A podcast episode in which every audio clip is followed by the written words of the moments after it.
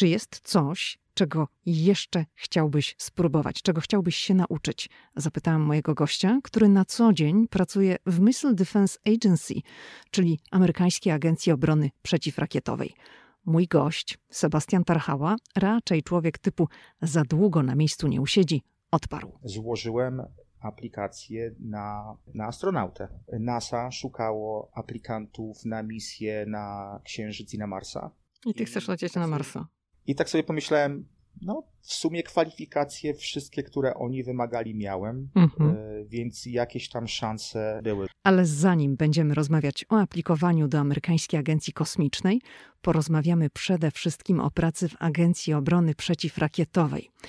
Sebastian opowie o testach rakiet, jest świeżo po takim teście i opowie, jak to się odbywa i jaką on pełni rolę w tym wszystkim.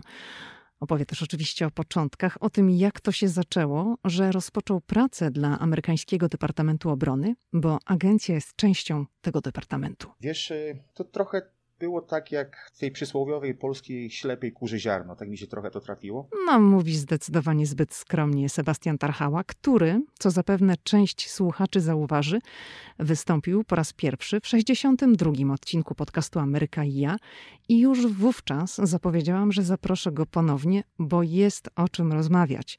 Wtedy skupiliśmy się na jego służbie w wojsku, ponieważ Sebastian służy nadal w Gwardii Narodowej. Także zachęcam osoby, które dopiero dołączyły do słuchania podcastu Ameryka i ja, by przesłuchały również tamtego odcinka. Dziś o pracy w agencji, testach rakiet, wizytach Sebastiana w Redzikowie, bo tam bywał wielokrotnie, a także o lataniu, które jest jego wielką pasją.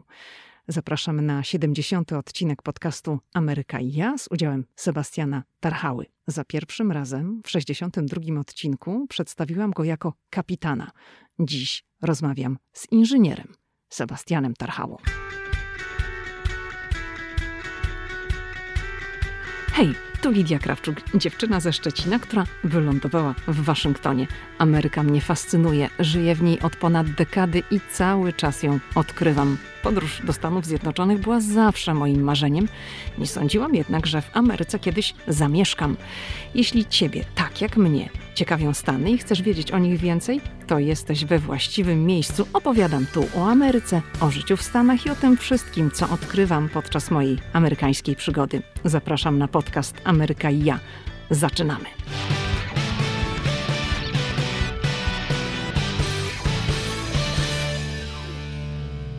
Dzień dobry, Sebastianie. Witam Cię po raz drugi w moim podcaście. Cześć, dzień dobry, Lidia. Dziękuję, dziękuję za zaproszenie. No właśnie, drugi raz jestem mile zaskoczony. No, wiesz, było tyle tematów mm, przy okazji naszego pierwszego spotkania, że drugi odcinek musi powstać. I w pierwszym odcinku, który nagraliśmy wspólnie, rozmawialiśmy o Twojej służbie, najpierw w wojsku, powiedzmy takim no, regularnym, a obecnie w Gwardii Narodowej, bo Ty nadal jesteś w Gwardii Narodowej, jesteś gwardzistą, ale dziś będziemy rozmawiać o Twojej pracy cywilnej, ponieważ to jest też bardzo ciekawy temat. Ty jesteś inżynierem i człowiekiem, który buduje i testuje rakiety. Pracujesz, no tak tłumacząc na język polski, w Agencji Obrony Przeciwrakietowej i myślę, myślę, że najlepiej będzie, jeśli sam powiesz słuchaczom o tej agencji, co to za agencja, no i co to jest za praca. To jest praca dla amerykańskiego rządu, prawda? I jeszcze tak powiem, że możemy o Twojej pracy rozmawiać, powiedzmy, w jakimś tam zakresie. Tak, dokładnie. No właśnie, często czy w rodzinie, czy u znajomych właśnie mylą się im te wątki wojska i pracy cywilnej, bo e, tak jak właśnie wspominałaś wcześniej, jak zaczynałem swoją karierę wojskową, to zaczynałem ją od aktywnej służby i wiele moich znajomych i ludzi z rodziny cały czas myśli, że ja chodzę w mundurze na, na co dzień, a właśnie z racji tego, że jestem w Gwardii Narodowej, tak, tak nie jest. Na tą służbę chodzę tylko raz w miesiącu, tak jak tam kiedyś wspominałem, a na co dzień jestem cywilem. I, i tak, od 2012 roku pracuję dla Departamentu Obrony Stanów Zjednoczonych y, w Agencji Obrony Przeciwrakietowej. A, a jeżeli chodzi o zakres y, rozmowy, y, no, Będę się starał mówić o takich rzeczach, które są ogólnie, ogólnodostępne na internecie, tak żeby nie wchodzić na jakieś techniczne rzeczy sprawy tajne czy coś, coś w tym stylu.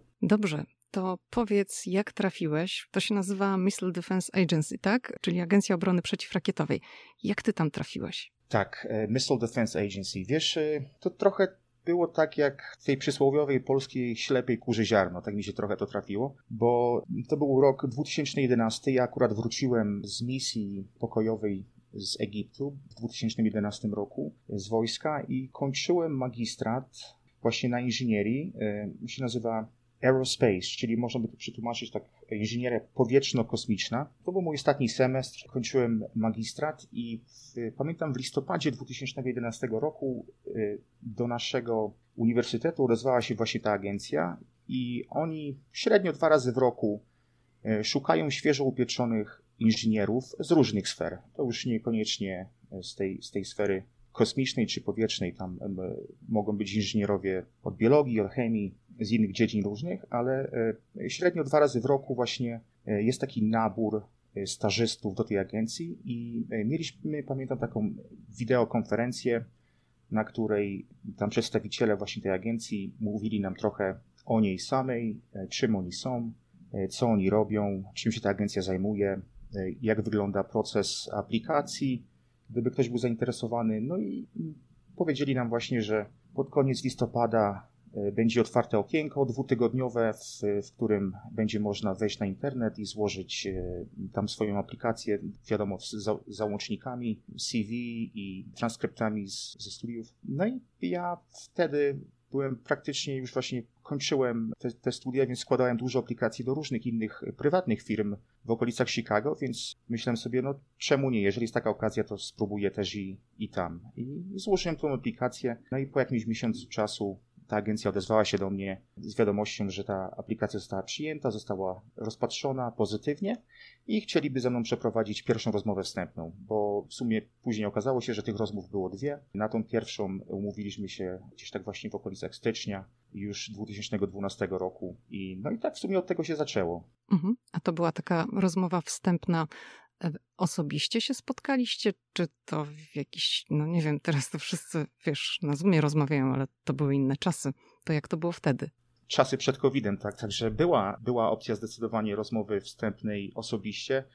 Przynajmniej mi się tak wydawało, bo na wszystkie wcześniejsze, które, na których byłem w Chicago, byłem, byłem osobiście, więc byłem przygotowany na to, żeby nawet ze swojej kieszeni zapłacić i, i przylecieć do Huntsville z Chicago, po prostu porozmawiać z nimi twarzą w twarz.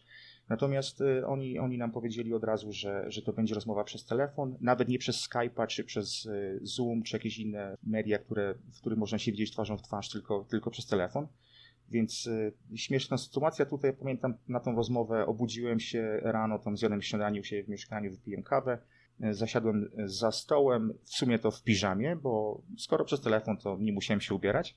No i tak porozmawialiśmy sobie przez jakieś pół godziny, może 45 minut. Oni tam zadawali jakieś ogólnikowe pytania o to, kim jestem, co robię i troszkę o szkole. No i takie pytania typu, czemu jestem tym zainteresowany, dlaczego chciałbym z nimi pracować. No ale nie było to osobiście, było to przez telefon. No i tak jak mówiłem, nie musiałem być w garniturze, byłem, byłem w piżamie w ten dzień. To dlaczego chciałeś tam pracować? Co cię tak mm, poruszyło, zaciekawiło mm, w momencie, kiedy była prezentacja możliwości pracy właśnie w takim miejscu, jak jeszcze byłeś na uczelni. Co tam cię tak mm, zaintrygowało w tej pracy? No zdecydowanie takim haczykiem, takim wabikiem dla mnie była sama nazwa, no bo ja uczyłem się inżynierii związanej z powietrzem i z kosmosem, a, a tutaj mamy do czynienia z Agencją Obrony Antyrakietowej, także te rakiety, także wyobrażałem sobie siebie pracując dla nich gdzieś w jakimś laboratorium, w jakichś tunelach powietrznych, testując te rakiety, jakieś tam różne przyrządy, sprzęty.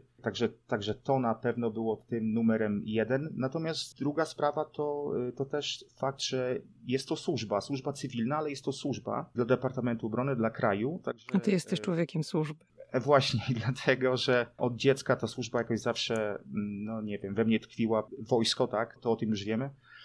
No na, nawet wcześniej tam, bo nie wspominałem o tym wcześniej, ale za dziecka jeszcze w Polsce przez 5 lat służyłem jako ministrant w kościele też. No także były takie sytuacje, że y, no, służba, nie wiem, z jakiegoś powodu zawsze mi się podobała. Także, także te dwie rzeczy na pewno były tym głównym wabikiem. Powiedziałeś, że były dwie rozmowy kwalifikacyjne. Najpierw była ta wstępna, którą przeprowadziłeś w piżamie przez telefon. To jak wyglądała ta druga, ta ostateczna?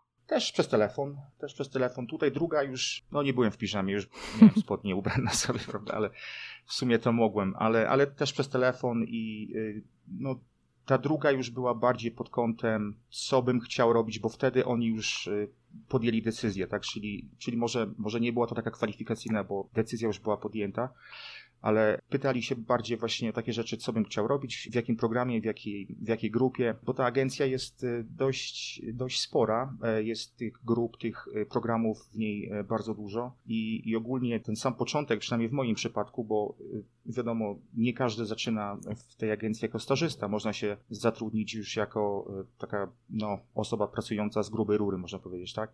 Mhm. Natomiast ten staż dwuletni, bo, bo trwał on dwa lata, wyglądał tak, że mieliśmy okazję jako stażyści zrobić trzy rotacje po 8 miesięcy w różnych właśnie programach, w różnych dywizjach, tak żeby zobaczyć tą agencję z różnych perspektyw, z różnych kątów. I, i, I ta druga rozmowa właśnie była skierowana bardziej w tym kierunku. Jakie studia się robiło, co by się chciało robić, w których miejscach chciałoby się pracować, z kim by się chciało uczestniczyć, w jakich, w jakich okolicznościach, w jakim kierunku właśnie tak żeby później po skończeniu tego stażu wybrać jakąś jedną z tych rotacji albo, albo zupełnie coś innego, ale także mieć takie ogólne pojęcie, co robić później. No i co ty wybrałeś ostatecznie? Pierwszym moim, moim wyborem był test. Ogólnie są, są dwa rodzaje testów tutaj w tej agencji. Jest test y, taki właśnie, oni nazywają flight test, taki prawdziwy, taki rakiet latających oraz jest ground test, testy naziemne, gdzie, gdzie ogólnie do tych testów używa się symulatora, różnych rodzajów symulatorów, więc ta dywizja testowa to był mój pierwszy wybór, a drugą była dziedzina, która zajmowała się badaniami. To chciałem właśnie też, tak jak mówiłem wcześniej, wyobrażałem sobie siebie właśnie w, gdzieś tam właśnie w jakichś laboratoriach robiąc jakieś badania. Trzecią rotacją, którą wybrałem, to była taka grupa, można było przetłumaczyć tak na, na misje globalne. Ona zajmowała się dostarczaniem różnych sprzętów wojskowych po całym globie praktycznie. Dobrze. To powiedz nam, dlaczego ta agencja, w której ty pracujesz, mieści się w Alabamie, a nie na przykład tutaj w Arlington w Pentagonie? Bo tak wiesz, na marginesie to większość osób, które nigdy nie były w Waszyngtonie, to większość osób myśli, że Pentagon znajduje się w stolicy USA, ale Pentagon mieści się w Arlington, tak? To dlaczego ta agencja jest tak daleko od Waszyngtonu? No tutaj musimy sięgnąć troszkę do, do historii Huntsville i bazy, na której ta agencja się znajduje. Redstone Arsenal to nazwa tej bazy, bo przed, przed II wojną światową i w czasie II wojny światowej ta baza służyła jako arsenał broni chemicznej oraz e, konwencjonalnej. I po II wojnie światowej w 1945 roku wojsko amerykańskie przez Departament Obrony sprowadziło do Stanów Zjednoczonych kilku albo być może kilkunastu naukowców niemieckich, którzy zajmowali się budową rakiet przed II wojną światową oraz w czasie II wojny światowej dla, dla armii niemieckiej. Takim głównym inżynierem i naukowcem, który się tym zajmował, był dr Werner van Braun, który, który był takim mózgiem za rakietą V2, użytą po raz pierwszy w, w czasie II wojny światowej. No wiadomo, Stany Zjednoczone zauważyły bardzo duży potencjał w tych rakietach oraz w, tej, w tej grupie naukowców i po II wojnie światowej sprowadzili jego, tego, tego właśnie doktora Van Brauna oraz jego y, grupę jeszcze nie do Huntsville, bo na początku to był Delaware, później Texas, baza wojskowa, tam baza armii amerykańskiej Fort Bliss. E, także on tam spędził z tą, z tą grupą bodajże 5 lat i no i później ze względu na to, że tutaj w Huntsville była, był duży skład broni, dużo chemikali, tak, bo ta broń chemiczna, więc po prostu do, doszli do wniosku, że to by była dobra miejscówka na, dla takiego naukowca, aby mógł pracować nad, nad rakietami. No i on przez, przez kilka, kilkanaście lat na początku pracował stricte dla wojska, budując rakiety dla, dla armii amerykańskiej. Później też, y, gdy zaczął się wyścig w kosmos z Rosją, zaczął pracować też dla agencji NASA, budując rakiety dla nich na potrzeby wylotów kosmonautów w kosmos. I taka ciekawostka, właśnie on był głównym projektantem rakiety Saturna V, która wyprowadziła astronautów na Księżyc z misją Apollo 11.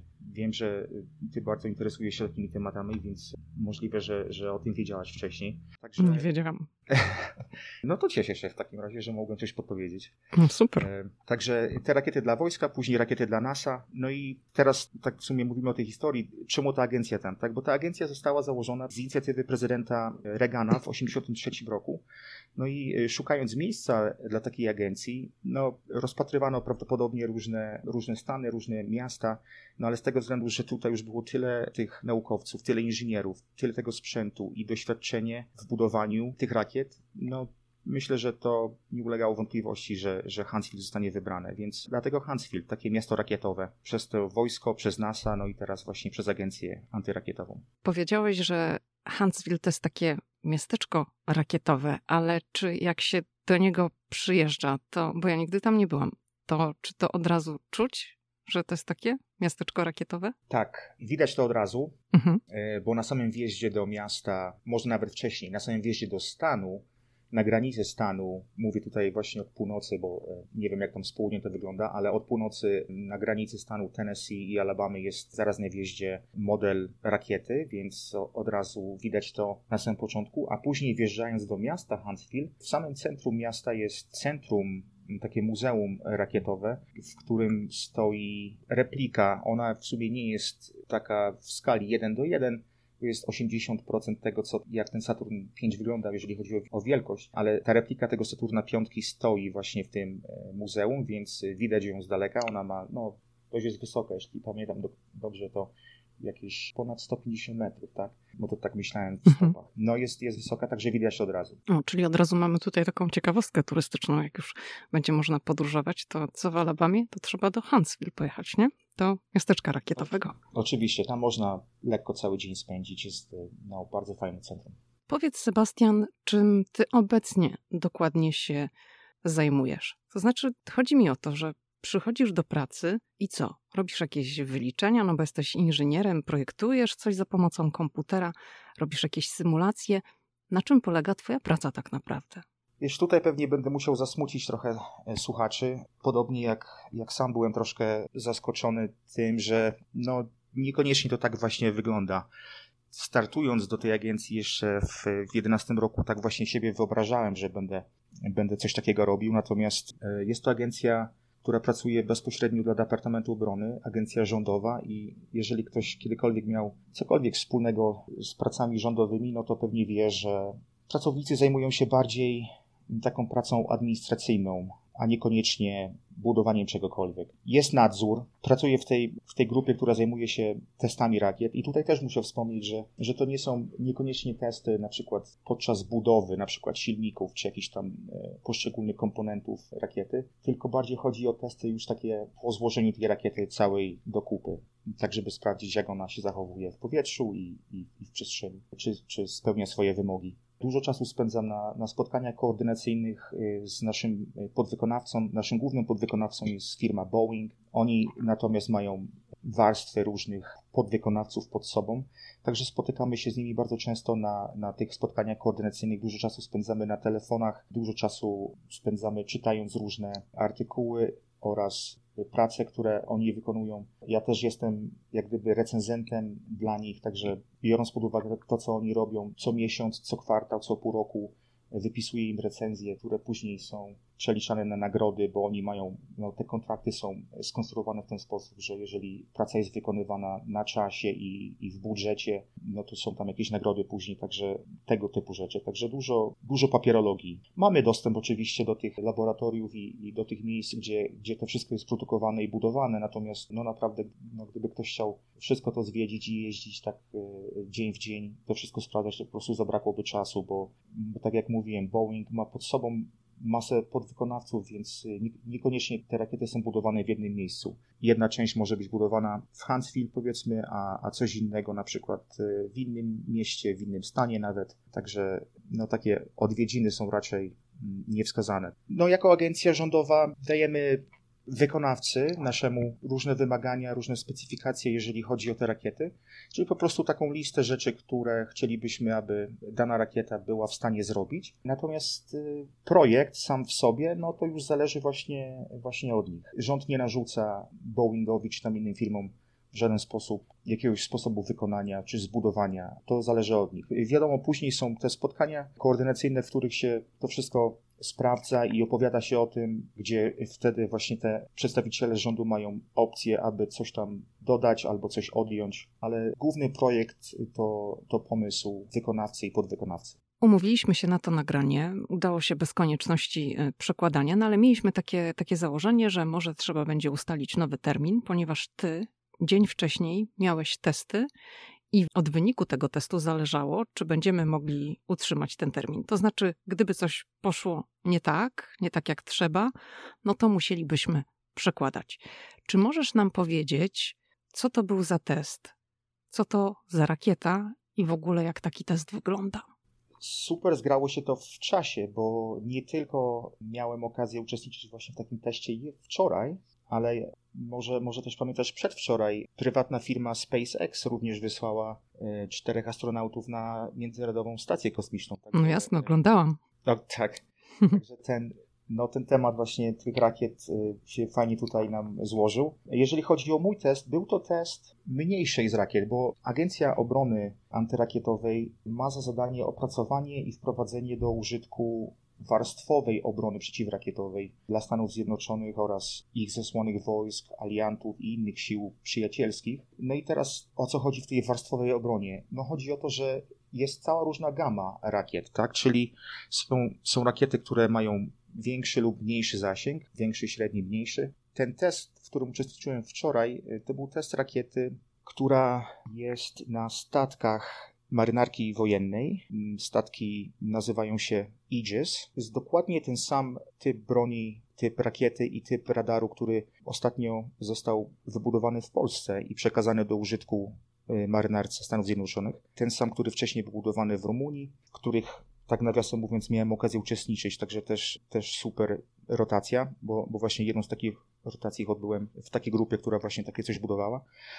Także y, jeszcze raz taka mniejsza rakieta, tak, mniejszego mhm. zasięgu, mhm. wystrzeliwywana z, ze statków marynarki amerykańskiej. Pierwszy test pod względem tego, że miał on za zadanie udowodnienie, sprawdzenie, czy da się taką mniejszą rakietą mniejszego zasięgu zestrzelić rakietę, y, która jest międzykontynentalna. Ta rakieta, nazwijmy to rakietą CEL, rakieta CEL, została wystrzelona z Wysp Marszala, z Pacyfiku, w kierunku Stanów Zjednoczonych. Oczywiście nie na ląd, tylko y, tak na gdzieś tam setki kilometrów od wybrzeża Kalifornii i no, statek miał na zadanie usytuowanie się w takim miejscu, aby, aby móc tą rakietę zestrzelić. I jak taki test wygląda? No, w zależności od tego, co się testuje, to, to dyktuje całą infrastrukturę takiego testu, także cała gama radarów, no bo wiadomo, na początku coś lub ktoś musi tą rakietę, która została wystrzelona, zauważyć, tak? Czy to są zazwyczaj radary, tak? To nie są osoby, to są radary, które są nasiemne albo, albo też pływające, bo są też takie, są też radary zainstalowane w samolotach, także jeżeli są akurat jakieś misje lotnicze w danych okolicach, to, to te radary mogą to wychwycić. No i oczywiście cała gama różnych innych radarów, które e, nam fruwają nad głowami w przestrzeni, których, których nie widzimy z Ziemi. A gdzie Także, ty jesteś w momencie takiego testu? E, na dzień dzisiejszy ja rozmawiam z tobą z Colorado Springs, z Colorado. Ale jak się odbywał ten test, to ty nie byłeś na tym statku. Nie, nie, nie, nie. Właśnie to jest setki ludzi, setki różnych urządzeń usytuowanych po całym globie. No to właśnie powiedz nam, laikom, na czym to polega, na czym polega taki test, bo jak e, umawialiśmy się na rozmowę, to ty mi powiedziałeś, że to no, w nocy będziesz mógł mi dać znać tak naprawdę, czy będziemy mogli się spotkać, to znaczy będziemy mogli nagrać tę rozmowę, bo w nocy będzie wiadomo, czy to wszystko się udało, czy mhm. test przebiegł pomyślnie. Więc dlaczego to tak długo trwa i ile osób jest w to zaangażowanych? I kto jest gdzie? Tutaj, gdzie ja jestem w Colorado teraz, y, no tych osób, no i jeszcze przez to, że jest ten, e, cała sytuacja z, z wirusem, tak, e, no to mhm. jest nas y, względnie mało, około 30-40 osób. Natomiast y, to tylko jedna z lokalizacji, no bo tutaj jest centrum operacyjne na jednej z baz sił powietrznych, więc przepływają tutaj po prostu do nas tylko informacje z tych radarów, które później są przeliczane na pozycje, tak aby, aby to wszystko zostało poprzeliczane i przekazane dalej do, do innych lokalizacji. Rakieta, którą mieliśmy zestrzelić, była zlokalizowana na, na Wyspach Marszala na Pacyfiku. Uczestniczył ten, w tym teście też radar, który jest na Hawajach. Statek na którym były te rakiety, które zostały użyte do zestrzelenia, był no, paręset kilometrów na zachód od Kalifornii, na Pacyfiku. Do tego cała gama radarów, które są zlokalizowane w przestrzeni, które nam krążą wokół Ziemi. Co jeszcze? No i, no i tutaj to centrum, to centrum operacyjne, to centrum dowodzenia, gdzie, gdzie te wszystkie informacje po prostu przepływają, zostają później przesyłane dalej. No. A to wygląda jak na filmach, że to jest takie pomieszczenie, dużo komputerów, dużo ekranów, wszyscy w ciszy siedzą i ktoś tam wydaje dyspozycję. Tak, jeżeli oglądałaś ty albo ktoś jeszcze ze słuchaczy lot na Międzynarodową Stację Kosmiczną SpaceX parę dni temu, to właśnie można było zauważyć coś takiego i, i bardzo podobnie to wygląda tutaj na tych testach. Jest taki pokój, są nawet y, dwa pokoje, w których właśnie jest y, masa y, komputerów z różnych miejsc pracy, po dwa, czasem nawet po cztery komputery przy każdym biurku, tak aby każda z tych osób miała dostęp i wizualnie mo mogła zobaczyć, co się dzieje z ich częścią testu, bo każdy tam ma jakąś swoją działkę przydzieloną. Także na przykład jedna osoba może być odpowiedzialna za, za sprawdzanie, tak w cudzysłowie, zdrowia na przykład jednej z rakiet, druga osoba ma e, jakiś tam jeden radar naziemny, trzecia ma na przykład radar, e, który jest gdzieś w powietrzu i tak dalej, i tak dalej. Także no jest tych stacji dość sporo. Także te 30-40 osób właśnie siedzą w takich pomieszczeniach. Jest odpowiednia procedura, odliczanie tego czasu i y, bardzo podobnie tak jak na filmach, tak jak y, dwa dni temu podczas startu SpaceX. To powiedz, jaka była Twoja rola w tym teście, wtedy kiedy byłeś, powiedzmy, ja sobie to nazwę Situation Room. Nie wiem, czy to jest właściwe określenie, ale tak to powiedzmy roboczo sobie to nazywam. Jaka jest Twoja rola właśnie w takim pomieszczeniu? Za co Ty odpowiadasz? Z mojej grupy było trzy osoby, które do, dosłownie siedziały za tymi komputerami i miały tam jakieś swoje odpowiednie rzeczy, które, którymi się zajmowały. Ja, ja natomiast byłem takim, taką osobą nadzorującą ich zadania, także nie miałem jakiegoś, jakiejś swojej stacji komputerowej, w której mógłbym się tam czymś zajmować, tylko bardziej nadzorowaniem tych trzech osób i jeżeli były tam jakieś problemy, czy jakieś pytania, czy, czy coś było, trzeba było przekazać komuś innemu, no to też takim łącznikiem, także co, coś w tym stylu. A czy jak odbywa się taki test, to to jest tajne przez poufne, czy zaprasza się na przykład czasem dziennikarzy, ludzi z zewnątrz, żeby się przyglądali takiemu testowi? Te testy są, są sklasyfikowane jako tajne, także nie ma tam żadnych reporterów. Na końcu testu jest y, przekazywany do informacji publicznej, jest przekazywana wiadomość, że taki test się odbył, i jakie były rezultaty tego testu, czy też się powiódł, czy się nie powiódł. No, Agencja Obrony Antyrakietowej jest agencją, która testuje. Dużo, bardzo dużo pieniędzy jest y, spędzane na, na testy, także często te testy się udają, często się, się nie udają. Są, są zwycięstwa i porażki, tak, ale y, z tego względu, że jest ona agencją, która testuje, no to nie można też patrzeć na porażki w, może w zły sposób, tak, bo bo często z porażek i z tych testów nieudanych można się dużo więcej dowiedzieć niż, niż z tych, które no, przebiegają bez żadnych problemów, bo były, były sytuacje takie w przeszłości, że przykład czasem się coś udało, a, a niekoniecznie to było tak, jak było to zaprojektowane. Tak? Także jak są problemy czy jakieś e, sytuacje, gdzie, gdzie coś nie wyjdzie tak, jak e, było to zaprojektowane, to, to wtedy ta cała procedura szukania tych problemów i co, gdzie nastąpił błąd, no z, te, z, tych, z tych błędów, z tych porażek można się dużo więcej czasem nauczyć. A powiedz, dlaczego to mm, tak długo trwa? Bo no zakładam, że taki test, no to się odbywa chyba w dzień, tak? A ty byłeś w stanie mi odpowiedzieć, czy będziemy mogli to nagrać dopiero gdzieś tam późno w nocy nad ranem tak naprawdę, to skąd się bierze to mm, rozłożenie w czasie? Samo przygotowanie do testu, no to taka żmudna, długa, długa praca. Przygotowanie do tego testu trwało gdzieś około 8 miesięcy. Niektóre nawet trwają po 12, do, nawet do 18.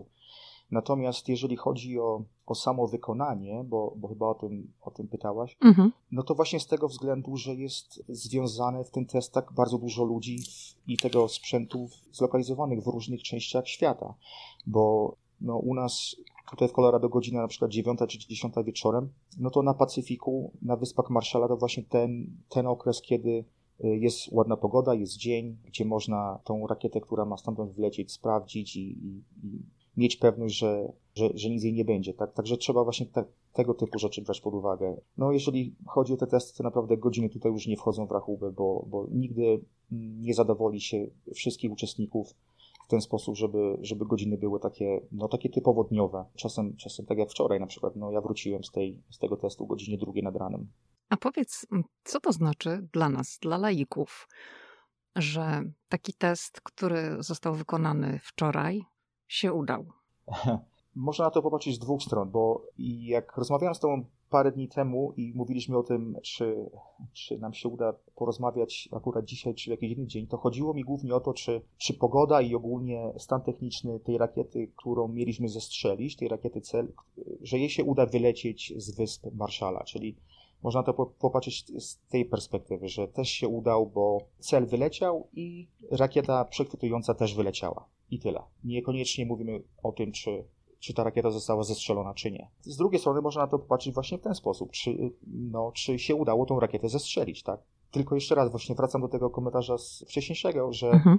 czasem porażki mm, są lepsze niż zwycięstwa, bo, bo naprawdę można się więcej z nich nauczyć. A pod takim względem bezpieczeństwa, to co to oznacza dla ludzi, którzy nie mają w ogóle pojęcia o rakietach, o systemie przeciwrakietowym i tych wszystkich kwestiach związanych ze strzeliwaniem czy przechwytywaniem takich rakiet? No tak, tak, bardzo dobre pytanie, bo y, pierwsze co przychodzi na myśl to ojejku, nie udało się zestrzelić, a, a co by było, gdyby to było naprawdę, tak? No więc jest, jest cała gama warstw ochrony. Tak jak wspominałem wcześniej, rakiety zasięgu większego, mniej, średniego, mniejszego, także to nie jest tak, że gdyby faktycznie ktoś atakował Stany Zjednoczone czy jakiś, jakiś inny kraj, to do obrony lub zestrzelenia takiej rakiety jest wystrzeliwana tylko jedna, tak? To tak nie wygląda. Tych radarów, tych rakiet różnego typu jest dużo więcej, także to, że tam jednym się nie uda, to, to niekoniecznie nic nie znaczy. No natomiast ile tych rakiet y, zostaje wystrzeliwanych, no to w tym momencie wchodzimy na tematy bardziej techniczne i takie poufne, także tutaj będę musiał na to pytanie nie odpowiedzieć. A możesz powiedzieć, ile takich testów rocznie się w Stanach Zjednoczonych przeprowadza? W tej grupie, w której ja jestem, bo, bo jest ich kilka, tak? Jest, ja ogólnie jestem w grupie, która zajmuje się testowaniem rakiet tego największego zasięgu, zasięgu międzykontynentalnego i przez kongres mamy zarządzone tak, żeby przeprowadzać test, przynajmniej jeden test w ciągu roku, bo, bo obrona Stanów Zjednoczonych to coś, co wpisane jest w konstytucję i kongres ma nad tym nadzór ustalane są do tego budżety specjalne, także y, musimy taki test przeprowadzać przynajmniej raz w roku. Natomiast inne grupy, które mogą zbudować rakiety mniejsze szybciej, taniej, no to, y, no to częściej, no bo jeżeli ktoś może test przeprowadzić w pół roku, no to wiadomo, w ciągu roku przeprowadzi go dwa, prawda? Także to w sumie od tego zależy, ale przynajmniej jeden w ciągu roku. Dobrze, to powiedzmy może trochę o, o bazie w Redzikowie. Ta baza w założeniu ma stanowić element systemu obrony NATO, mm, który chroni no, państwa sojusznicze przed rakietami wroga.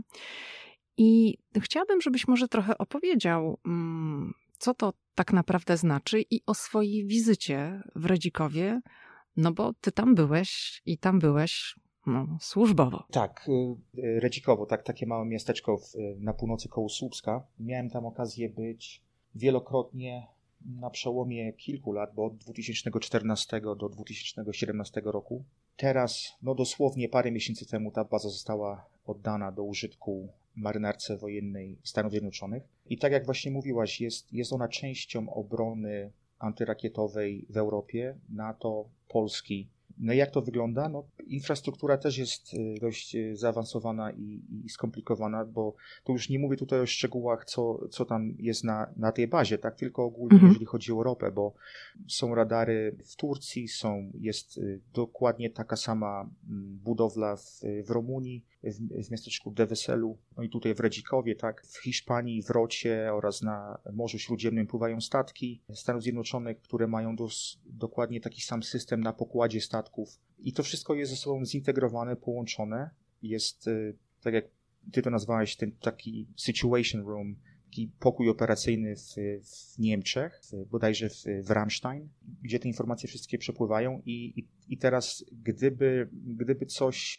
Czyli z tych wszystkich albo... miejsc, o których mówiłeś w Europie, tak? Z Polski, z Rumunii, z Hiszpanii, tak? Dokładnie. Mhm. Tak, dokładnie. Gdyby, gdyby, coś, gdyby coś tam nadlatywało, czy przelatywało przez Europę, tak, to, to te radary y, pierwsze co, no to mają właśnie za zadanie wychwycić taką rakietę, przekazać tą informację do tego pokoju operacyjnego w Niemczech gdzie zaraz szybciutko obliczana jest odległość, prędkość, kierunek, e, co to w ogóle za rakieta. No i później e, jest ta informacja przekazywana do, do tych wyrzutni, które są teraz w Polsce, które są w Rumunii, na tych statkach, które pływają na Morzu Śródziemnym i, i, i koło Hiszpanii. No i jedna z tych wyrzutni ma, będzie miała za zadanie zestrzelenie takiej rakiety. Także tak ogólnikowo, tak właśnie zadanie takiej tarczy antyrakietowej wygląda. Tak? Jest taka właśnie taki system systemów różnych połączony ze sobą, które się z sobą komunikują i, i za zadanie mają wychwycenie i później zestrzelenie takiej, e, takiej rakiety. Natomiast jeżeli chodzi o mój udział w, w Redzikowie i w budowaniu tej tarczy antyrakietowej w Polsce, na, na początku, pod koniec 2014 roku, to był moim zadaniem głównym e, był rekonesans okolicy, czyli Słupska głównie, bo, bo tam na dzień dzisiejszy ta baza jest wyposażona w budynki mieszkalne, więc teraz już nie ma potrzeby, aby mieszkać w mieście, ale, ale w, na samym początku, gdy pojawiały się tam firmy oraz y, marynarze, no to trzeba było gdzieś ich ulokować, prawda? Więc, więc ja na początku z, z jednym kolegą z pracy pojechaliśmy na, na parę tygodni zrobić taki rekonesans Słupska, zobaczyć, y, zlokalizować y, restauracje, hotele, a wybrano ciebie dlatego, że ty mówisz po polsku? Tak, tak. Tam zgłosiłem się do takiej grupy, przez to właśnie, że, że mówiłem po polsku, wiedziałem, że mogę im się przydać, no i faktycznie nie mieli żadnych wątpliwości, więc zaraz do tego mnie przydzielili. Więc bardzo się cieszyłem, że mogłem e, uczestniczyć no, w takiej operacji, pomóc zarówno Polsce, jak i Stanom Zjednoczonym. Zdecydowanie najlepsza praca, jaką kiedykolwiek miałem. No, później po tej wizycie sporządziłem raport, w którym właśnie było to wszystko ukazane. Trochę historii Polski, trochę kultury, tak żeby nikt nie był zdziwiony po przyjeździe. Jakieś miejsca właśnie zamieszkania, restauracje, gdzie, gdzie chodzić, gdzie nie chodzić, co robić, czego nie robić, tego, tego typu rzeczy. Taką ściągę zrobiłeś. Później, dokładnie, dokładnie, tak żeby no, ktoś, kto przyjeżdża, po prostu nie przyjeżdżał w ciemno. Mhm. Natomiast później w 15 roku spędziłem większość czasu w Rumunii, bo, bo w Polsce dopiero początek tej budowy to tak naprawdę gdzieś czerwiec, lipiec 2016 roku. Natomiast y, no, prawie cały 15 spędziłem y, w Rumunii. Y, z tym, że mówię całe 15, ale to wyglądało bardziej tak, że spędzałem 6 tygodni w delegacji tam w tym kraju, później 6 tygodni byłem u siebie w domu. Także pod względem wyjazdów było to dość, dość ciężkie. A w 16 roku, mm, jak zaczęliśmy przyjeżdżać do Polski już częściej, to ja miałem, miałem za zadanie nadzorować firmę, która wygrała przetarg na zapewnienie zaplecza logistycznego ludziom, którzy przyjadą później pracować na bazie oraz, oraz marynarzom. Że jak ta firma miała na zadanie zapewnienie pojazdów, biur, w, których, którym się pracuje, komputerów, tak, internetu, tego typu rzeczy. Także e, tutaj jeszcze raz właśnie byłem takim, taką osobą nadzorującą ich operacje, łącznikiem też w pewnym stopniu, bo, bo wszystkie, wszystkie prośby o zapotrzebowanie przechodziły przeze mnie od, od ludzi z bazy i, i ja je przekazywałem właśnie tej firmie, która e, później miała na zadanie to zapewnić, to wykonać. Także to e, tak, 16 no i później cała ta budowa, 16-17 rok. Bardzo ciekawa misja, bardzo, bardzo lubiłem to robić. W 16 roku też taka ciekawostka był właśnie na rozpoczęciu budowy prezydent Duda z, z delegacją. W zasadzie nie miałem okazji z nim mm, porozmawiać, ani się z nim gdzieś tam zrobić jakiegoś zdjęcia, czy, czy uścisnąć mu ręki, czy czegoś w tym stylu, ale byliśmy w jednym pomieszczeniu w tym samym czasie. Taka no, fajna sytuacja, że że mogłem taką osobę spotkać i zobaczyć na własne oczy. No i tak y, od 14 przez 17 tak minęło 3 lata na, na takich wyjazdach y, w delegację.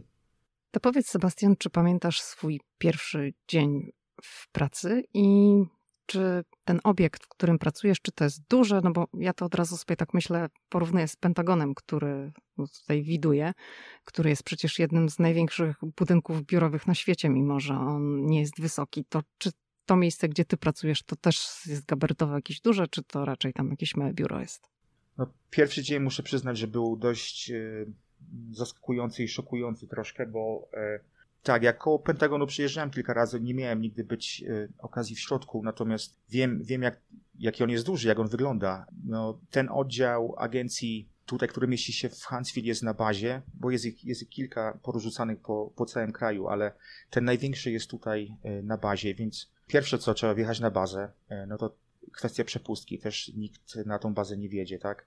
No i później sam kompleks, który a propos nosi imię doktora Van Brauna, o którym mówiliśmy wcześniej. To kompleks czterech budynków, bardzo dużych budynków.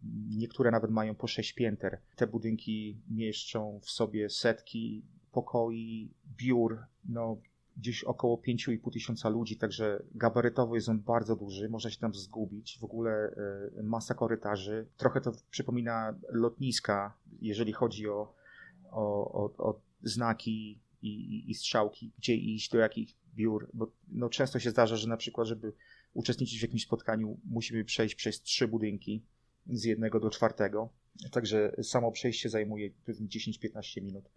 No i bezpieczeństwo w takim budynku to też, to też było takie wow, bo y, wjechanie na bazę, no to jedna przepustka, wejście do budynku to druga przepustka, no i później, aby wejść do odpowiednich jakichś y, pokoi, w którym są spotkania, to, to też y, nie wszystkie pokoje da się tą przepustką otworzyć, tą, tą kartą magnetyczną, bo mimo tego, że pracujesz przy takiej agencji, to niekoniecznie masz dostęp do wszystkich pokoi, do wszystkich rzeczy, do wszystkich działów. Także no pod tym względem było to na pewno szokujące. Zajęło to parę miesięcy, żeby się tego przyzwyczaić. Teraz tak patrzę na to jako, jako taki kolejny dzień w pracy, tak, ale, ale e, no pod tym względem, pod względem obrony i ochrony to no, było to szokujące na pewno. A ty możesz tam wprowadzać gości z zewnątrz? Tak, można. Tylko trzeba to wcześniej skoordynować e, z, z biurem ochrony. Sebastian, bo ty, tak jak sobie o tobie myślę, to jesteś taki człowiek, orkiestra tak cię nazwę, bo tak, inżynier od rakiet, żołnierz Gwardii Narodowej. W poprzednim odcinku opowiadałeś również o tym, że no trochę działasz w branży nieruchomości, a na dodatek to ty jesteś pasjonatem lotnictwa i ty latasz hobbystycznie. Do amerykańskich sił powietrznych nie poszedłeś, bo no zresztą odsyłam tutaj te osoby, które nie słuchały, do odcinka numer 62 podcastu Ameryka i ja, bo to jest ten odcinek pierwszy, nasz wspólny, i tam o tym opowiadasz, dlaczego mm, ostatecznie nie trafiłeś do, do lotnictwa, do amerykańskich sił powietrznych, lecz lotnictwo to jest Twoja wielka pasja. No to powiedz, skąd to się wzięło? Oj, to już, no tak od dziecka, tak jakoś miałem. Po prostu zawsze podobało mi się wszystko, co, co latało. Samoloty zawsze y, były moją pasją. Mógłbym, pamiętam, mógłbym spędzać całe dnie na, na lotniskach, patrząc jak samoloty lądują lub, lub startują. To tak samo jak ja. E, e, Ale tak, nie latam. Wiem, wiem, wiem, ze zdjęć, tak, dokładnie. Tak, także, no to takie dziecięce marzenie, tak, bo tam za dziecka się jakieś tam różne marzenia ma, tak, tak. Ktoś chce być żołnierzem, ktoś chce być pilotem e, czy strażakiem. No, no tak, mi się nie udało wstąpić do sił powietrznych, chociaż to w sumie trochę też z mojej winy, bo, bo mogłem się podłuczyć te dwa tygodnie, prawda, i wrócić do tego biura, no ale, ale jednak tak się nie stało. Natomiast ta pasja jakoś po prostu została i, i zawsze mnie ciągnęło w tym kierunku. A jak, jak to się stało? No też w sumie przez przypadek, bo okazało się, e, że jak zacząłem pracować na bazie tutaj już w tej agencji, e, że na bazie jest kółko lotnicze. I Pewnego razu do tego kółka poszedłem, zapytałem się, jak to właśnie wszystko wygląda, jak, e, jaka tam jest flota, ile tam jest tych samolotów, jakie samoloty, jak wygląda kwestia zapisania się, ile to wszystko kosztuje, ile to wszystko zajmuje czasowo. No i tak w sumie od tego się zaczęło. To był, to był rok 2016 i, i tak e, zacząłem e, latać właśnie wtedy z instruktorem. Zajęło to troszkę. Zajęło mi to w sumie ten, ten pierwszy certyfikat pilota zajął mi dwa lata, chociaż mówię, mówię już od razu, że y, zazwyczaj to tyle czasu nie zajmuje. Tylko w, akurat w roku 2016 byłem zaangażowany właśnie grubo w wyjazdy do Europy, do Polski, do Rumunii właśnie z z racji e, swojej pracy. Więc to wszystko się tak przeciągało, przeciągało. Za każdym razem, jak wyjeżdżałem na te 6 tygodni, później wracałem, to tak troszkę zapominałem teorii, praktyki, trzeba było to odświeżyć, więc, więc zajęło to trochę dłużej, bo, bo tak szczerze mówiąc, jeżeli ktoś chce naprawdę i ma czas, to może to spokojnie zrobić w ciągu 6 miesięcy. No ale tak właśnie od tego się to zaczęło. Także tak, y, no, taki przypadek z tym, że kółko lotnicze było na bazie. Czyli dzięki temu, że było to kółko, to mogłeś zrobić licencję pilota, tak? Dobrze rozumiem? Czy tak, to... tak, dokładnie. Mhm. A powiedz, czy ty często latasz i czy ty masz swój własny samolot? Y, staram się latać przynajmniej raz w miesiącu, żeby, no, żeby po prostu nie zapomnieć, jak się lata. Natomiast jak uczyłem się do, do licencji pilota, no to latałem z instruktorem, no i też sam. Nawet i dwa, trzy razy w tygodniu. Także teraz dla mnie ja względnie latam mało. Natomiast no, raz w miesiącu to ktoś może też powiedzieć, że to bardzo często. Czy mam swój samolot? Nie, nie mam swojego samolotu. To są bardzo drogie rzeczy. Nie tylko w kupnie, ale też później w utrzymaniu, bo to no, trzeba pamiętać, że podobnie jak z samochodem, tak? Trzeba często jechać do mechanika, trzeba zapłacić ubezpieczenie. Miejsce, w którym się ten samolot przechowuje, też kosztuje i, no i, i taka mm, inwestycja kosztuje dość dużo.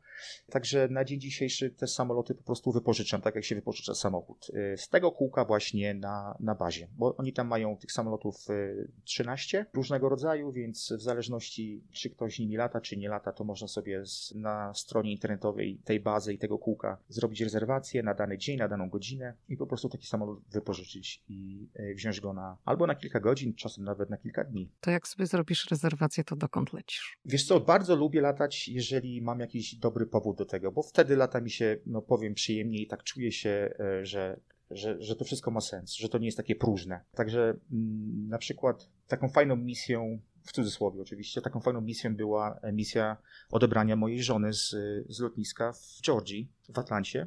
Mhm. W zeszłym roku ona przyleciała po odwiedzinach swojej rodziny, przyleciała z Korei do Atlanty. Ja natomiast wyleciałem z Huntsville, po, poleciałem właśnie tam w tym kierunku i odebrałem ją z lotniska. Wróciliśmy z powrotem tą właśnie małą awionetką, także taka fajna misja. Często latamy odwiedzać znajomych. Mam znajomych w Kentucky. Jazdę samochodem 4 godziny, a taką małą awionetką no, dwie godziny. Jak jest dobry wiatr, to może nawet troszkę mniej. Także Kentucky, Tennessee też, na południe, na Florydę mam tam znajomych, a czasem, czasem tak po prostu, żeby tylko wylatać tę tą jedną czy dwie godziny w ciągu miesiąca, no to takie bardziej próżne misje typu hej, lecimy na kolację i no i gdzieś tam sobie lecimy.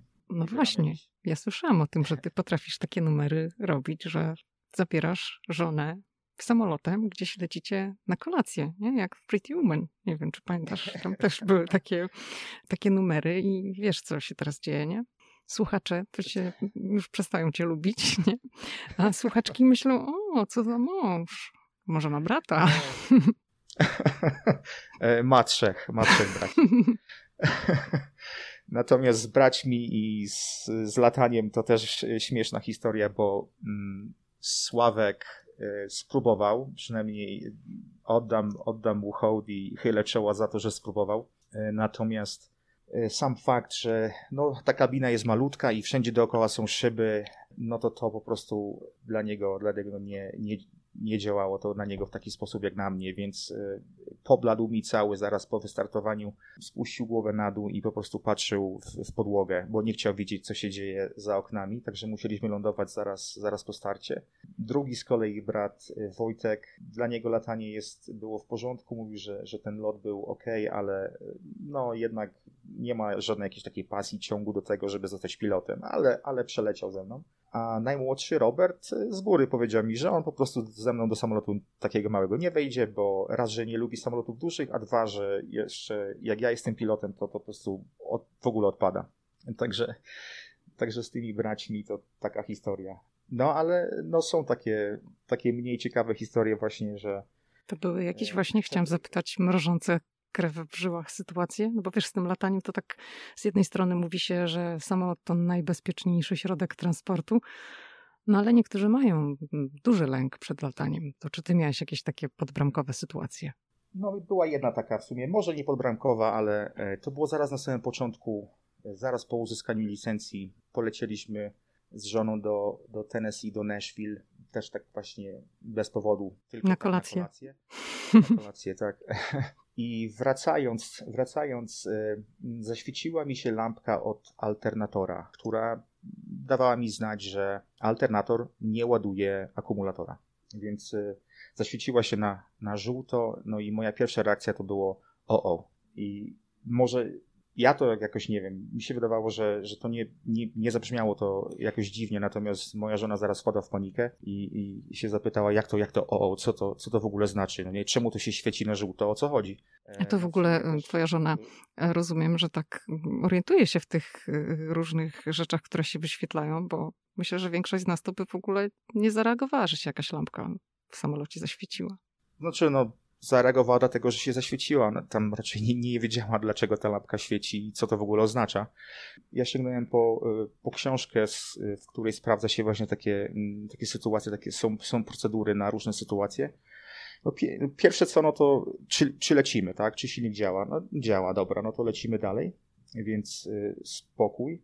Natomiast później szuka się na stronie w tej książce właśnie jak, jak tą sytuację załagodzić, no i też, też ciekawe rozwiązanie, bo y, nigdy bym nie pomyślał, ale jednym ze, z kroków takiej procedury było wyłączenie kluczyków w stacyjce, co w ogóle mnie po prostu zdezorientowało i mhm. zaskoczyło, bo myślałem sobie, no przecież jak wyłączę to, te, te kluczyki, to zgaśnie mi silnik, prawda? No ale jednak jest to tak skonstruowane, że ten silnik się nie wyłączy. Więc y, już nie myśląc dłużej na tym, po prostu prześledziłem te wszystkie kroki i, i zrobiłem tak, jak w tej instrukcji tam było nakazane. No i Czyli wyłączyłeś, tak? się wszystko. Tak, wyłączyłem te kluczyki, zgasło cała elektronika. No, wcześniej dałem oczywiście znać wieży, że coś takiego się dzieje, żeby, że zniknę im na, na chwilkę z, z komunikacją, żeby się tam nie martwili. No i faktycznie udało się to wszystko zresetować, ten alternator zaczął działać, także no, by, była taka jedna sytuacja. Później oboje z tego samolotu wyszliśmy cali mokrzy, trochę zestresowani, ale no, z jednej strony fajnie, bo dobrze, dobrze teraz wiedzieć, że no, czasem się coś takiego stanie i trzeba po prostu zareagować, e, zachować spokój i no, jakoś myśleć logicznie, a nie wpadać w panikę. Wcześniej wspomniałaś, że właśnie mówi się o tym, że, że samolot to najbezpieczniejszy środek transportu. No je, jest tak, to, to prawda. Tych wypadków jest zdecydowanie mniej. Wiadomo, że kiedy te wypadki się zdarzają, no to są one bardziej tragiczne w skutkach, bo wtedy pas, bo jest pasażerów więcej, no i jeszcze w zależności co tam jest, co się stanie na ziemi, tak, bo Często samoloty mogą uderzyć w jakieś tam domy czy miejsca za, zamieszkane e, przez innych ludzi. E, natomiast samolot sam w sobie jest skonstruowany w ten sposób, aby, aby latał. E, także nawet gdyby ten silnik zgasł czy coś, no to, to, to nie jest tak, że on spada z nieba jak kamień, tylko po prostu zamienia się wtedy w szybowiec, prawda? Bez silnika. I jeżeli jesteś na odpowiedniej wysokości, a jest gdzieś jakieś miejsce, albo i nawet lotnisko nieopodal, na którym może wylądować, no to, no to do takiego miejsca można łatwo dotrzeć. A powiedz, też tak na koniec cię zapytam, czy jest jeszcze coś w życiu, czego byś się chciał nauczyć? Bo robisz już tak bardzo wiele rzeczy różnych. No tak chyba jesteś trochę takim niespokojnym duchem. To może jeszcze coś ci chodzi po głowie. E, lubię być zajęty, to fakt. No, nie, nie potrafię zbyt długo siedzieć i, i, nic nie robić. Fajnie jest mieć czasem e, parę godzin, e, godzin pa, parę dni nawet e, wolnego czasu, ale, ale no, nie mógłbym mieć tylko, tylko jedno zajęcie i, i, i, i nic więcej. Co więc, co jeszcze? Wiesz co, mm, w 2016 roku złożyłem aplikację na, na astronautę. O. W 2016 roku NASA szukało aplikantów na misję na Księżyc i na Marsa bo jak, jak się orientujesz, na Marsa zaczniemy latać, e, czy to 30, 35, już nie pamiętam. E, w każdym razie gdzieś, gdzieś w ciągu następnej dekady. I ty chcesz lecieć na Marsa. I tak sobie pomyślałem, no w sumie kwalifikacje wszystkie, które oni wymagali miałem, mhm. E, więc jakieś tam szanse, jakieś tam szanse były, bo chcieli pilotów, no to no wiadomo, że to nie miałem doświadczenia w lataniu samolotem odrzutowym, ale, ale zasady latania są takie same. Chcieli inżynierów, więc y, to też to zaplecze y, tam było. Y, często się zdarza, że astronauci mówią dwoma lub trzema językami, no to polski i angielski. Ich treningi często odbywają się w, na basenach, tak, bo mhm. a, aby, aby ćwiczyć tę, tą całą nieważkość. Z pływaniem też nie mam żadnego problemu, a... Widziałam nawet taki roku... basen, wiesz, w Houston jak byłam, to widziałam ten basen, w którym astronauci ćwiczą. Tak, no dokładnie, także, także do, wiesz jak to wygląda. Y, w 2010 roku też zrobiłem licencję nurka, jak byłem na, to było właśnie z misji wojskowej w, w Egipcie, ale miałem tam okazję zrobić taką licencję, więc y, sobie myślałem, no w sumie te kwalifikacje wszystkie mam, y, może nie są one jakieś takie super wygórowane, ale, ale spróbuję. No, tych aplikacji później okazało się, że zostało złożonych aż 18 tysięcy, mhm. a oni wyselekcjonowali tylko 12 osób, także nie udało mi się z tą, z tą aplikacją, ale jeżeli pytasz o coś takiego, co chciałem zrobić, to jeżeli, jeżeli nie, sa, y, nie zostanie samym astronautą, chociaż powiem Ci szczerze, że, że raczej, raczej już nie będę podchodził do tego drugi raz, ale bardzo chętnie, jeżeli będą loty y, kosmiczne dla turystów, dla cywilów. To ty lecisz. To bar, tak, jestem pierwszy. Tylko, wiesz, tylko teraz kwestia finansowa, bo jak dwa dni temu był ten y, start, oglądaliśmy start astronautów mhm. Ilana Maska SpaceX, tak?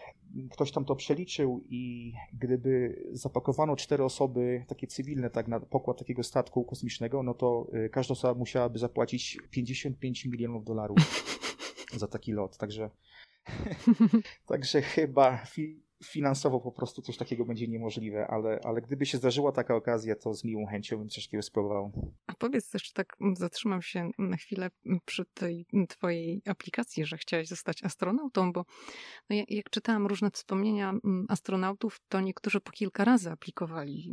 Bardzo mało komu tam się udaje. To naprawdę niewielu osobom udaje się za pierwszym razem, niektórzy aplikują po kilka razy.